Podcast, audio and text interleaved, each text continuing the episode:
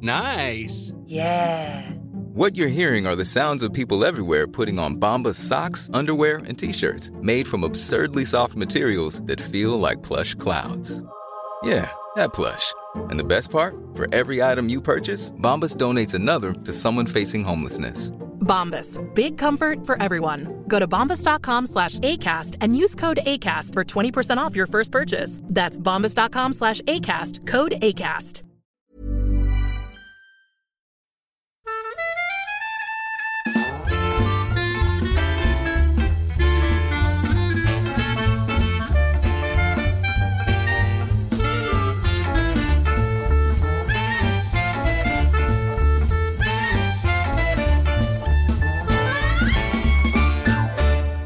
Du lyssnar på podden Sissi och hormonerna. Välkommen hit till detta avsnitt. Idag så är en av oss tre på en knullkonferens, eller hur Tessan? Ja, hon har det så gött. Sofia är på knullkonferens. Eh, så Sissi här och Tessan håller ställningarna. Och idag ska vi snacka om ett ämne som är mer, vad ska säga, det blir vanligare och vanligare fast det är fortfarande många som provoceras av det. Nämligen att skaffa barn själv, den ensamma mamman. Och vi är ju inte ensamma, eh, i alla fall inte hela tiden, jag och eh, Tessan eller Sofia heller. Vi lever ju med någon som vi har skaffat barn med. Så därför har vi bjudit in en person som just gjorde den här resan. Vem är du? Hej och välkommen ska jag säga också. Vem är du? Sara heter jag. Jag är 38 år och jag har alltså skaffat barn själv. Jag har Puck, fem månader gammal idag. Mm. Hon är faktiskt här också. Precis. Hon är backstage kan man säga. Hon är svingullig. Ratta spakarna. Och, okay, ska, ska vi ta det här lite från, från det som kanske rör sig mest i mitt huvud i alla fall, ditt också kanske Tessan, att man vill veta snaskeriet, hur går det egentligen till när man blir inseminerad? Nu skrattar jag, förlåt, men jag har aldrig, jag kan inte så mycket om det här. Nej, Så nej. kan vi ta allt det där känslomässiga sen. Men, men liksom, Rent praktiskt, rent hur praktiskt, går det till? hur går det till när man blir befruktad utan att ligga om man säger? Ja, jag gjorde det här i Danmark då, för det var innan det blev tillåtet i Sverige. April i år ska vi säga att det blev eh, Precis. Eh, okej så, att här. ja, eh, så att eh, rent själva det här ingreppet, eller vad vi ska kalla det, det var ju väldigt smidigt. Eh, man, jag åkte ner till den här kliniken, jag hade med mig min bästa vän. Eh, och sen så var det som en gynekologundersökning ungefär. Eh, det var Upp på Bresa. upp precis, lite mysigare miljö, eh, det var så lite mysigt rum och sådär. Eh, och så, ja, så var det en kateter helt enkelt som de sprutade upp sperma i. Så enkelt var det. Såklart hade du ägglossning då? Du hade Ja. kollat att nu är det så? Ja, man eh, gör så här ägglossningstest som är jätteavancerade eh, som talar om att man har lite ägglossning, mycket ägglossning eller jättemycket ägglossning. Och så ska man liksom, Och så hade du jättemycket då? det är jättemycket och då ringde jag, då var klockan eh, ett på dagen och så ringde jag, ja nu har jag jättemycket ägglossning och då fick jag en tid två och en halv timme senare. Så det var väldigt sådär. Snabba puckar. Mm. Ursäkta min jämförelse här nu. Jag har ju sett när man har inseminerat djur, eh, det är skillnad. Men Mm. var det så att du fick se liksom Höll de upp sprutan med sperma och bara här har du the golden ticket, liksom Mm. the semen eller? Nej, det, sperma på danska eller vad, vad hände liksom? alltså det är ju mer som en kateter. En litet plaströr, en slang liksom bara. Eh, som de stoppar Förs in. upp i liksom. Förs vagina. Ja, precis. Ja. Men kände du själva, alltså fysiskt, kände du när de sprutade in det? Nej, det gjorde jag inte. De sa till, nu händer det. Men är det, är det lika stor sannolikhet att då bli gravid genom en sån en insemination som om man har ett väldigt vältajmat samlag? I princip är det det. Ungefär, det tar ungefär sju gånger i snitt, alltså för inseminerade och för vanliga par så att säga. Det som är mindre chans är att frysta spermier är inte, de är inte lika, de lever inte lika länge. Så det, det krävs mer timing egentligen. Då. Men om man är vältajmad så ska det väl vara i princip samma chans vad jag förstår. Så, men eh, det är därför man måste hitta liksom precis när man har som mest ägglossning för det är då spermierna har chans att överleva liksom, och ta sig till ägget. Men Mm. satte ni det på första försöket? Ja, det är ju lite det. Jag är en liten så här solskenshistoria för att Ja. det gick första gången så. Ehm, så jag har inte prövat på det så många gånger men, men, men det gick bra. Det är så skönt i det här att vi, vi har ju tillfälle att ställa alla så här dumma frågor som man bara Ja, jag har redan så här, var det Ja. en spruta? Nej, Fick du? ja, men jag undrar hur liksom är det en form av urvalsprocess kring spermadonatorn? Är det så här, jag vill ha en lång brunögd. Alltså, så här, En dansk den kan, som är musikalisk eller hur? jag, jag har bara sett det typ som i, när det var typ vänner på tv där de så här, så här man kunde välja på utseende och yrke och allting men så är det inte riktigt utan eh, först måste man välja om man vill ha anonym, anonym donator eller öppen donator. Eh, anonym, och du valde? Jag valde öppen. Eh, väljer man anonym då kan man bara välja eh, hårfärg, ögonfärg och längd. Så. Väljer man öppen eh, så betyder det i princip att du kan antingen välja att, eh, att barnet får reda på när, när barnet fyller 18. Då får du information om, om donatorn och en chans att träffa också, ett möte. Okay. Eh, sen kan du välja öppen med utökad profil och då då du får den här informationen. Yrke, lite babybilder, fritidsintressen, alltså lite mer så här som man föreställer sig att det är att man sitter och väljer. Var det så eh, du gjorde då? Nej, jag valde öppen men att eh, mitt barn då själv får när hon fyller 18 eh, ta reda på de här sakerna. Men du vet ingenting om den här nej, jag, nej. mannen då? Jag fick, då? Jag fick välja också då på de här längd, eh, hårfärg, ögonfärg så då valde jag eh, gärna lång och eh, om det finns gröna ögon för jag har gröna ögon så det var, det var inte så viktigt tyckte jag. Jag själv är ganska så här råttfärgat hår så det behövs inte liksom, det behövs ingen särskild färg på håret eller så. Nej. Vi diskuterar det där eh, fram och tillbaka, eh, men jag tror att jag skulle tycka det var obehagligt att ha information eh, som gör den här personen liksom verklig hela tiden och när ska jag liksom lämna ut liksom, Jaha, om hon tycker att fotboll är kul när hon är åtta, ska jag vara så här, åh din donator tyckte också om fotboll. Alltså det blir lite... Du kommer mm. inte säga pappa, du Nej, säger donator. Det, det, ja. det, är lite frestande ibland, men det är ju inte en pappa. En pappa tycker jag är en funktion och inte en inte en biologisk person. Figur, nej. nej, figur, nej precis.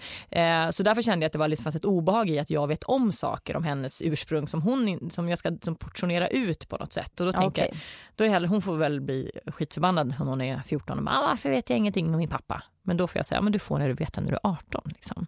För jag tycker det blir en, liksom, en styrning nästan, kan, skulle det kunna bli. Om vi backar lite, för nu mm. fick vi veta allt snask. Mm. Vi, vi, kan återkomma till snasket sen när du fick kissa på stickan och allt det där. Men varför Sara valde du att skaffa barn så här själv om man säger? Jag, hade, jag har varit singel jättelänge. Eh, och sen så hade jag något år när jag var så här, men 2011 var det.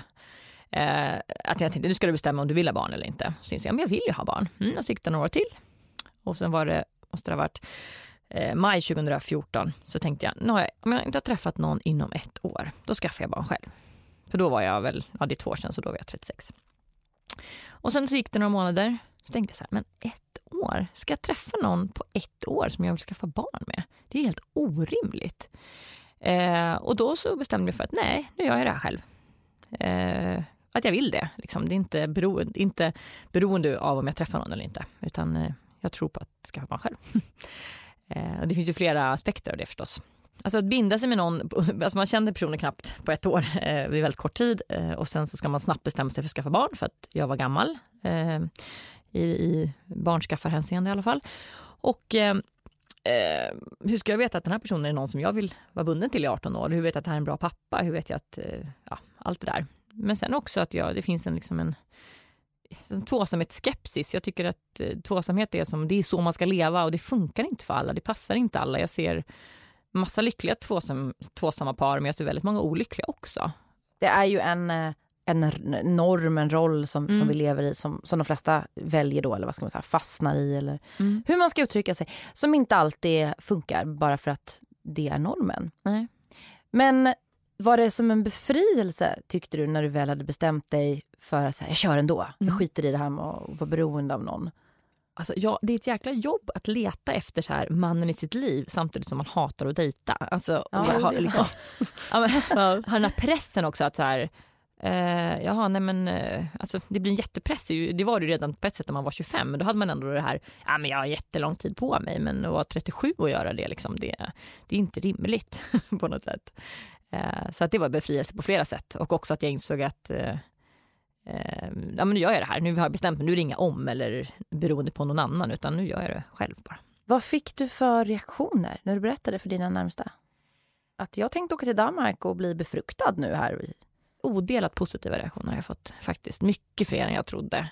Min närmsta krets visste jag skulle vara positiv. För det liksom, där fanns det inga tveksamheter. Men även nästa, alltså på jobbet och alla tyckte, alla tyckte att det var en superidé. Och det hade jag faktiskt inte väntat mig. Jag hade väntat mig mer så här höjda ögonbryn och vad du är konstig och så. Men, eh, För det är också, det är ju nytt om man, om man tänker rent, ja, ett längre perspektiv, att, ehm, att det är den konstellation, konstellationen, att, att kvinnor väljer att göra det här. Mm. För att man känner precis som du att det, orden går och ja, men allt, att alternativet finns helt enkelt.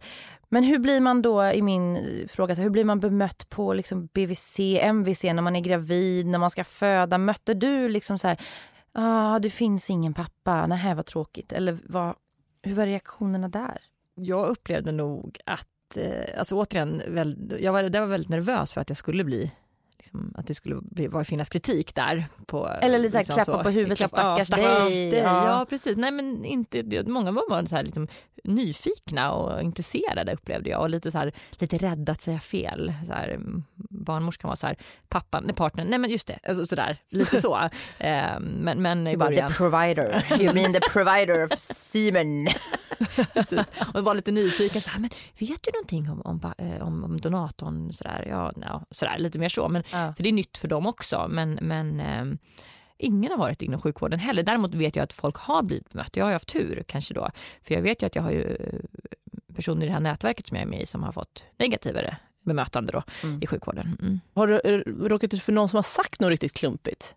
Nej, faktiskt inte. du Alltså har jag, varit förskonad? Jag har varit förskonad. Jag kan ju tänka liksom att man ser ju kanske att vissa inte, alltså mer eller mindre lite så här, kanske kan Ibland kan folk ställa kanske lite så frågor om det här med ja, men en, hur, ska, hur ska hon kunna veta sitt ursprung och sådana saker. Och det kan, Mm. Jag kan förstå de frågorna också.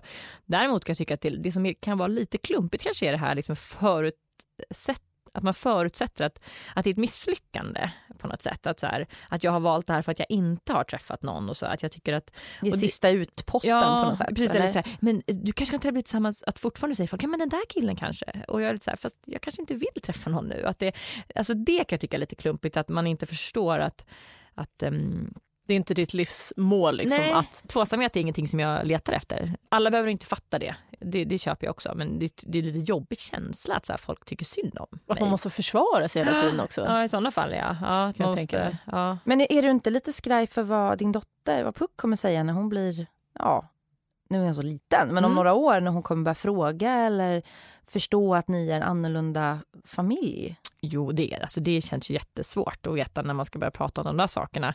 Eh, det finns ju många aspekter av det. Eh, allt från hur gick det till till varför valde du det här och massa anklagelser och ilska. Alltså, det är känt i sån, alltså jag vet ju, det finns ju många forum och så där man diskuterar just det här. Eh, att, att, ehm, hur bemöter man den här anklagelsen att jag fick aldrig ha någon pappa och sådär. Men jag tänker det får man ju ta beroende på hur hon reagerar tänker jag. Och sen har jag ju också, i och med att jag är med i sådana nätverk så har, har jag ju tänker att jag får förbereda mig. Hur kan man förklara? Vad kan man säga? Och sen får jag vara lite tydligare på förskolan att nej, men vi kommer inte fira första dag. Eller alltså, ni kan inte säga vad är pappa till henne för att det finns ingen pappa. Alltså sådana saker liksom. Men jag tänker att det beror helt på. Jag tänker också att tonåringar eh, till exempel då, de, de hittar på någonting att krisa över. Och då kanske, eller, det finns alltid någonting att krisa över. Jag tänker, I hennes fall Ja. kanske det blir eh, att hon inte har någon pappa, men det kan lika gärna bli att hon har för stora fötter. Alltså det är liksom, jag tänker att det ja, finns alltså liksom... många som har pappor Ja. eh, har ju väldigt frånvarande pappor Mm. också som aldrig är hemma och det kanske är ännu värre. Ja, precis, det är ju ingen så här Som- fram, given framgångsfaktor. Liksom.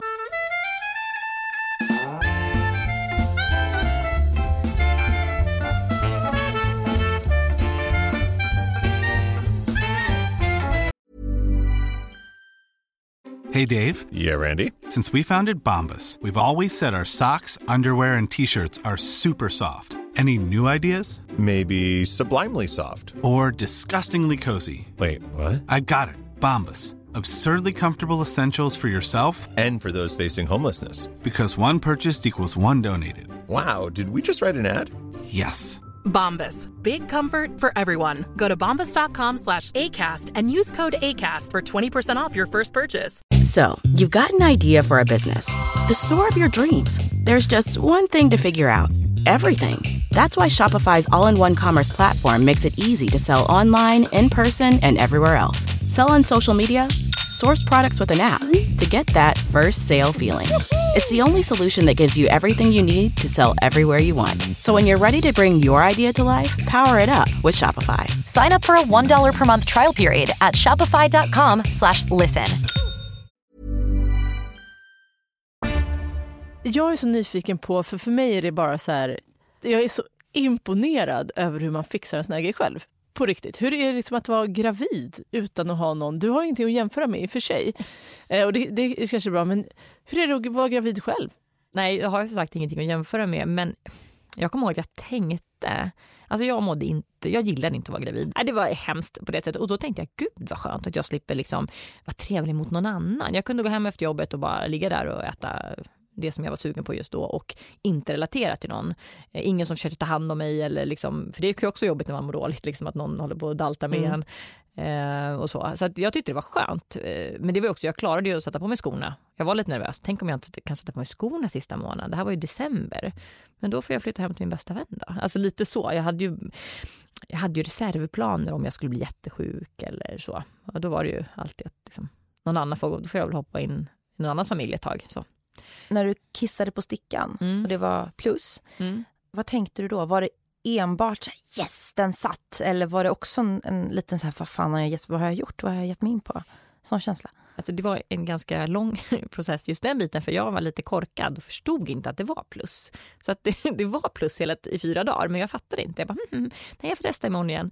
Eh, och sen, men det var så här jättesvagt, eh, det var inte så bra test tror jag. Så det var jättesvagt och sen så kom jag ihåg för jag började testa på onsdagen och så var det lite svagt och på torsdagen var det lite svagt och på fredagen var det lite svagt. Och då kommer jag att åka på, jag är på väg till jobbet och jag googlar svaga streck graviditetstest och då då, då drabbade jag över det där. Nej men herre, jag är ju nog gravid. Alltså det var liksom ett slag i huvudet. liksom. plus. Mm. Precis.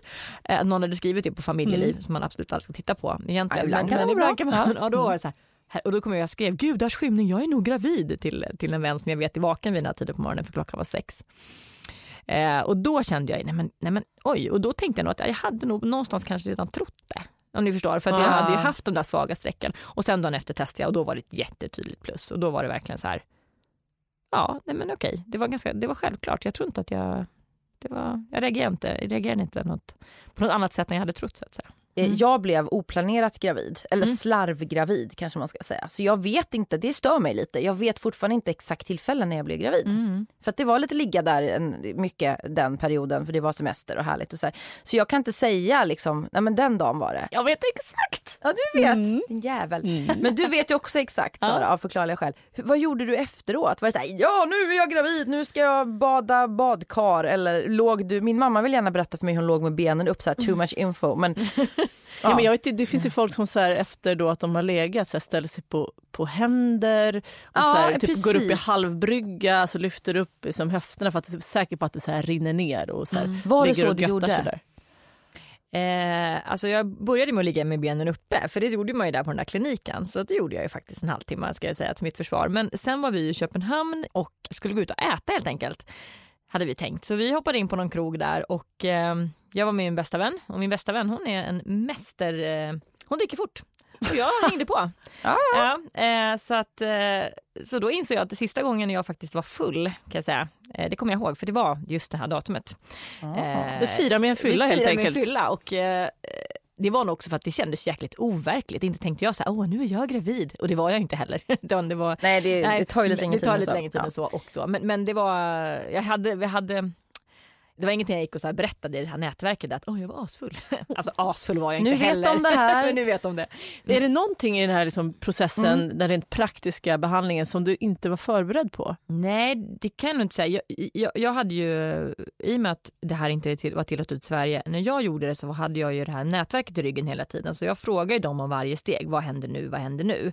Eh, så att jag tyckte att jag var ganska väl förberedd. Sen är det ju lite så här konstiga saker, att man ska ha något sorts litet så här samtal med kliniken och prata om sig själv. Och, det behöver man inte göra om man skaffar barn på vanliga sättet. Att man behöver ha så här utredande samtal eller eh, ta massa, göra fertilitetsutredningar och så. Men jag hade ändå rätt bra koll på det som jag hade fått den informationen från det här nätverket. Vad kostar det? Det är jag lite nyfiken på. Själva ingreppet om man ska säga och varan, alltså inseminationen och sperman kostade 8000 ungefär eh, svenska kronor. Mm. Och sen så är det ju en, eh, det är lite några hundra här och där för något, något läkarsamtal och sen är det liksom, det är lite småsummor och så. Mm. Så att jag tror, jag räknar ungefär att det kostade kanske 12 000. Och, men Ja. sen är det precis som vanligt, man går och gravid och sen så föder man på eh, det sjukhus i den ort man bor. Liksom. Ja, det är det som var det absurda förut. Nu vet jag inte hur det är nu, men eh, eftersom det inte var tillåtet i Sverige så alla de här undersökningarna innan, där var jag tvungen att hitta läkare som ställde upp på att undersöka mig fast jag valde att göra det här själv. Det var lite absurt. Men Ja, så verkligen. fort jag hade fått barnet i magen då fick jag gå in i den svenska sjukvården precis som vanligt eh, och, och få en MVC-sköterska och sådär. Så då, då var det precis som vanligt allting. Förlossningen är jag nyfiken på. Hur, hur gick den, inte hur det gick till rent praktiskt, men var du själv, hade du med någon, hade du dola, hade du en hel stab av polare? Eh, jag hade en liten halv stab av polare kan man säga. Det som var bestämt från början var att eh, min eh, bästa vän skulle vara med. Eh, Hon har varit med, hon var med på inseminationen, hon har med, varit med på alla läkarbesök och allting. Så hon har ju haft den här funktionen som pappa, eh, har vi skojat om. Eh, Sen så fick jag verka på julafton. Och då var min bästa vän inte, hon var med sin familj en bit bort. Så då kom en annan vän eh, och hämtade mig och körde mig till BB. Eh, och eh, medan då pappa satte sig i bilen i ilfart och körde väldigt alldeles för fort, vi har bråkat om detta, kom fram. Och då var det ju så att jag tyckte det var väldigt skönt för, för ehm, att ha en kvinna där som hade fött barn själv, helt ärligt. Ja, det kan jag verkligen tänka Ja. mig. Eh, och eh, som hade koll på läget och som, som, eh, som sa ta epidural. Så gjorde jag det. Och det var fantastiskt. Ja, eh, och, så. Det, och det var väldigt tryggt att ha. ha och när jag blev rädd, eh, när jag blev det, så sa hon, då sa, är det här, ska det vara så här? Ska det göra så här ont? Ja, det ska göra så här ont. Alltså hon visste ju det. Mm. Så det var coolt. Alltså, oavsett om man, har, om, man, har- om man har en man i bilden eller inte så är det var ganska coolt att med sig någon som kände en väldigt väl och som har fött barn själv. Alltså som inte var en professionell barnmorska. Så det, det var fantastiskt. Eh, och sen så um, var det väldigt skönt också att ha, ha någon där som man litar på som eh, tog hand om, om Puck när hon var nyfödd. För jag åkte iväg på operation, det gör man ju ofta. Eller så. Eh, någonting som händer. Så att, eh, det var aldrig något, eh, det, var jag, det var jag nog aldrig orolig för i förlossningen faktiskt. I den aspekten att vara ensam. För att det var flera som bara, jag vill också vara med. så att, Kunde göra lite- audition där med Ja, exakt. bäst, bäst lämpade polaren på en förlossning. Ja, ja.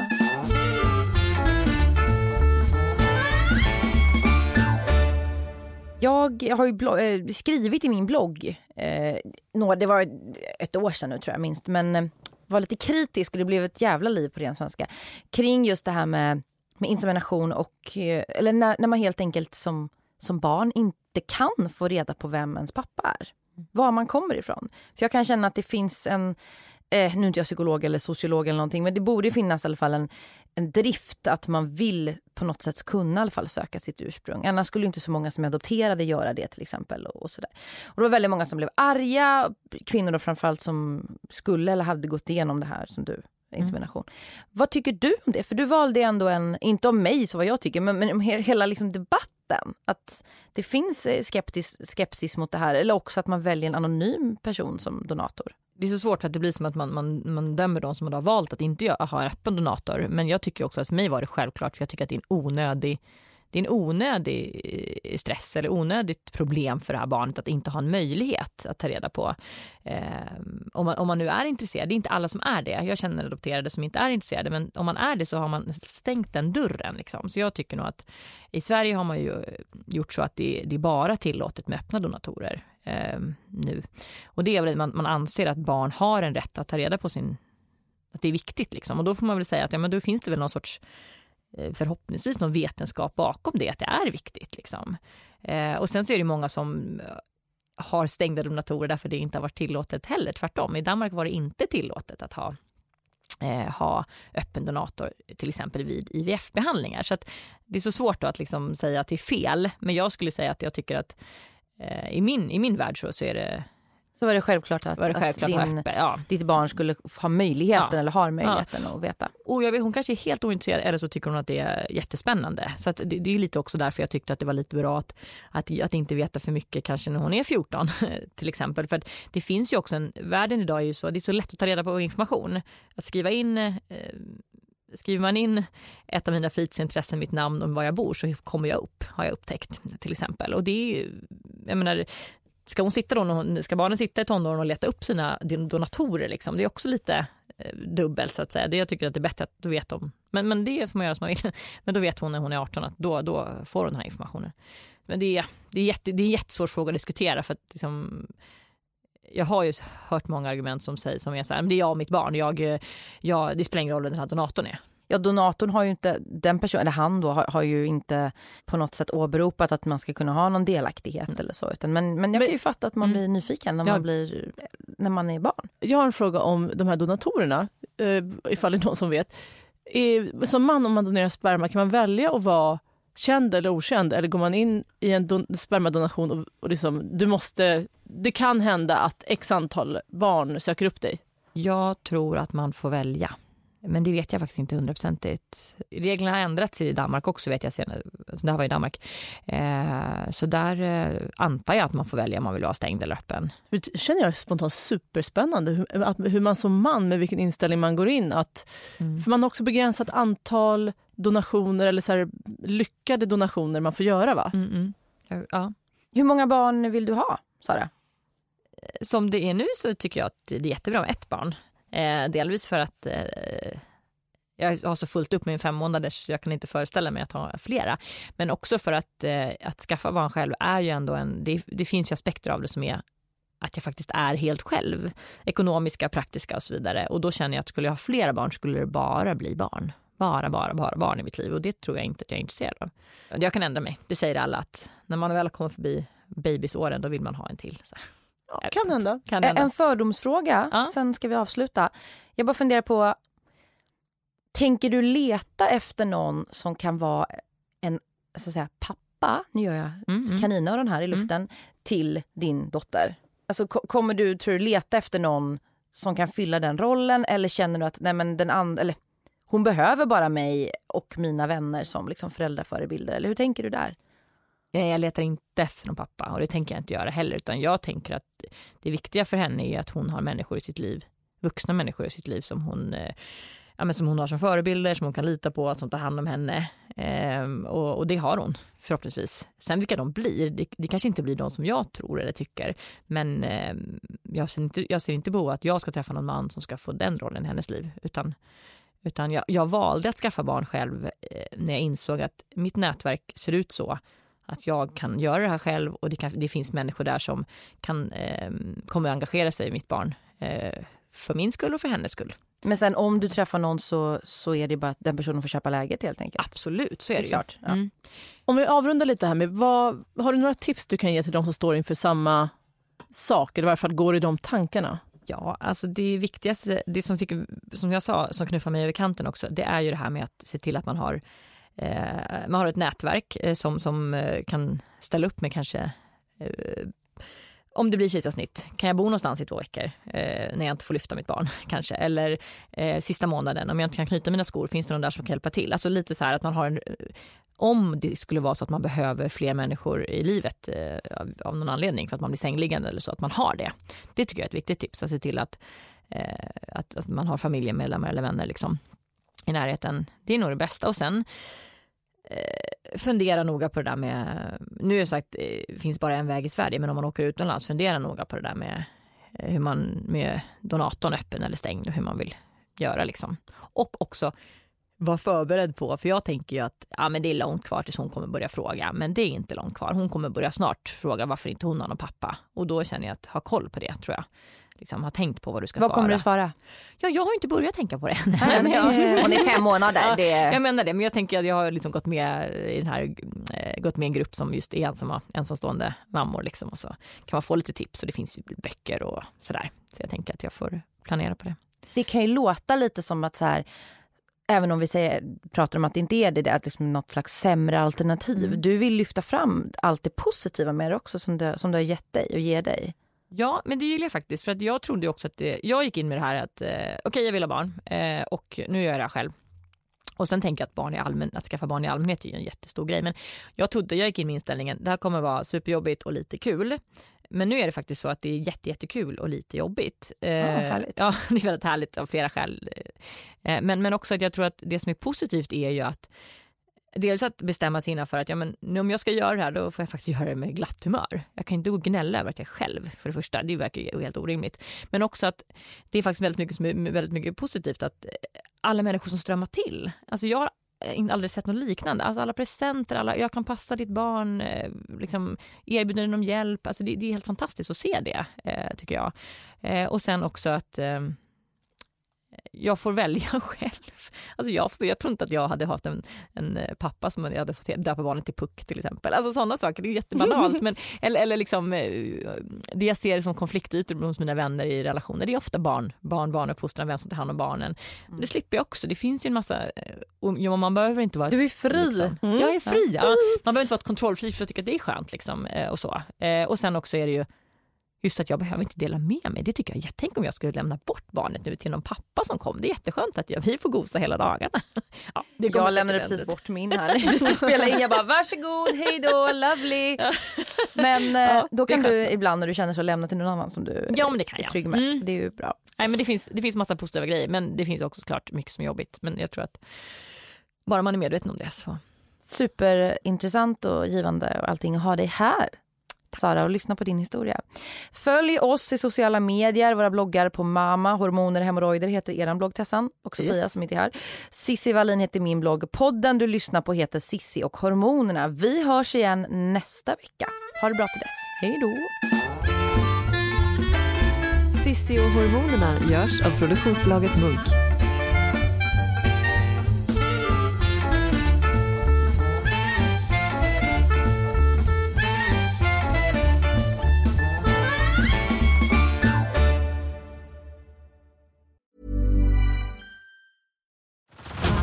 Head over to Hulu this March, where our new shows and movies will keep you streaming all month long.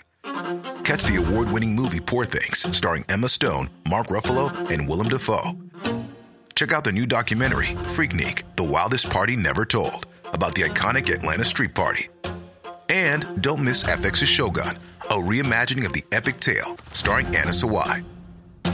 So, what are you waiting for? Go stream something new on Hulu.